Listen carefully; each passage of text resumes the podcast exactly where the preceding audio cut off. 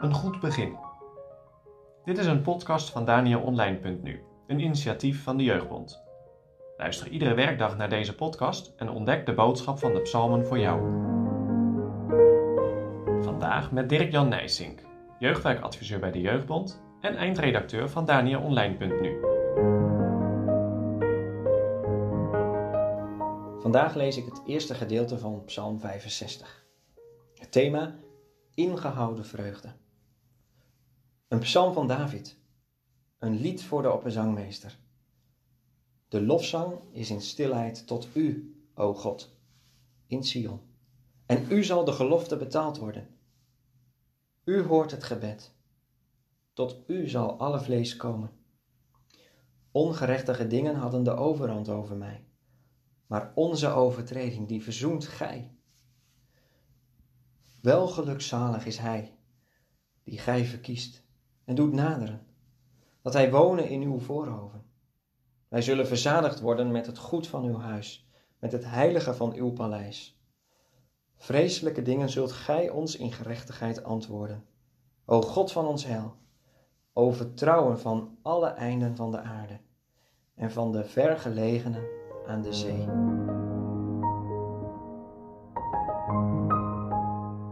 Ik ben een groot liefhebber van de muziek van Bach. Het is moeilijk uit te leggen waarom, maar ik zal het proberen. Heel veel muziek is nogal dramatisch, meeslepend. Zeker als het vreugdevolle of krachtige muziek is. Alles wordt uit de kast gehaald, vol op het orgel.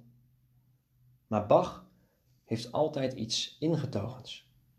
Zijn muziek is nooit te uitbundig, te pompeus. Maar maakt toch een diepe vreugde in je los. Ik moest daaraan denken bij het lezen van het begin van deze psalm. De lofzang is in stilte tot u, o God. Verstilling als loflied. Kan dat? Ik denk dat dit juist zo kenmerkend is voor het geloof.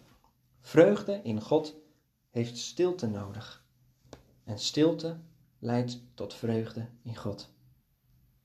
De lofzang klimt uit Sions zalen tot u met stil ontzag. Ik kan dan ook niet begrijpen dat je dat er met alle kracht uitbrult als je in de kerk zit. Die woorden zijn trouwens heel mooi gekozen. Ik heb daar echt een beeld bij. In diep Verstild ontzag klimt de lof op tot God als een offer voor Hem. Het kan alleen maar als je hart door God gebroken is. Als jouw haan niet langer koning krijgt in jouw leven. Als je ootmoedig bent. Een teken van ootmoed is niet dat je denkt: jongen, wat is die jongen of dat meisje toch nederig? Nee, ootmoed betekent dat je grote, dikke ik weer normaal is. Geen opgezwollen ego meer. Jij niet meer in het middelpunt, maar God die het gebed hoort en die onze zonden en ons onrecht verzoent. In een van de kantates van Bach verwoordt hij het zo.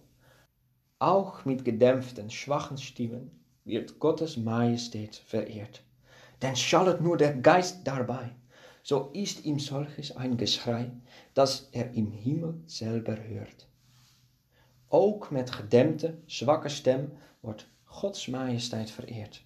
Wanneer de Heilige Geest daarbij komt, wordt het een geluid dat in, de hemel zelf wordt gehoord. Dat is het. Een gedempte, zwakke stem van een mens dat tot hem opklimt uit een gebroken hart. Dat is een lofzang voor de Heer. Volksliederen, opera's, tophits, Muziek dat op een of andere manier gemaakt is om mensen te eren, gaat meestal gepaard met enorm veel toeters en bellen. Denk maar aan de muziek bij het beeld van koning Nebukadnezar in Daniel. Maar de lof tot God komt op uit de stilte van een hart dat door Hem is aangeraakt en stilgemaakt. Ingehouden vreugde die tegelijk de diepste vorm van blijdschap is. En wat is dan de inhoud? Wat zijn de woorden van dit loflied? Het zal zoiets zijn als in het vervolg van deze psalm staat. U hoort het gebed. Onrecht woekerde over mijn leven. Zonden, overtreding vormden mijn leven. Maar u nam het weg. U verzoende dit. U had het in uw liefde op het hart om mij te verlossen van al die zonden. En daarom bent u mijn lied waard. De stilte van mijn hart wijd ik aan u. Het is iets kleins, een loflied, dat ontspringt uit een gebroken hart, maar krijgt in deze psalm een geweldige breedte. Zelfs de einden van de aarde en de vergelegenen aan de zee worden genoemd. De volken, de heidenvolken, zullen delen in het geluk van Gods volk. En aan het einde van de Bijbel vormen al die stemmen een imposant koor dat zingt voor de troon van God en van het Lam. U hebt ons voor God gekocht met uw bloed uit alle geslacht, taal, volk en natie. Lof zij het Lam.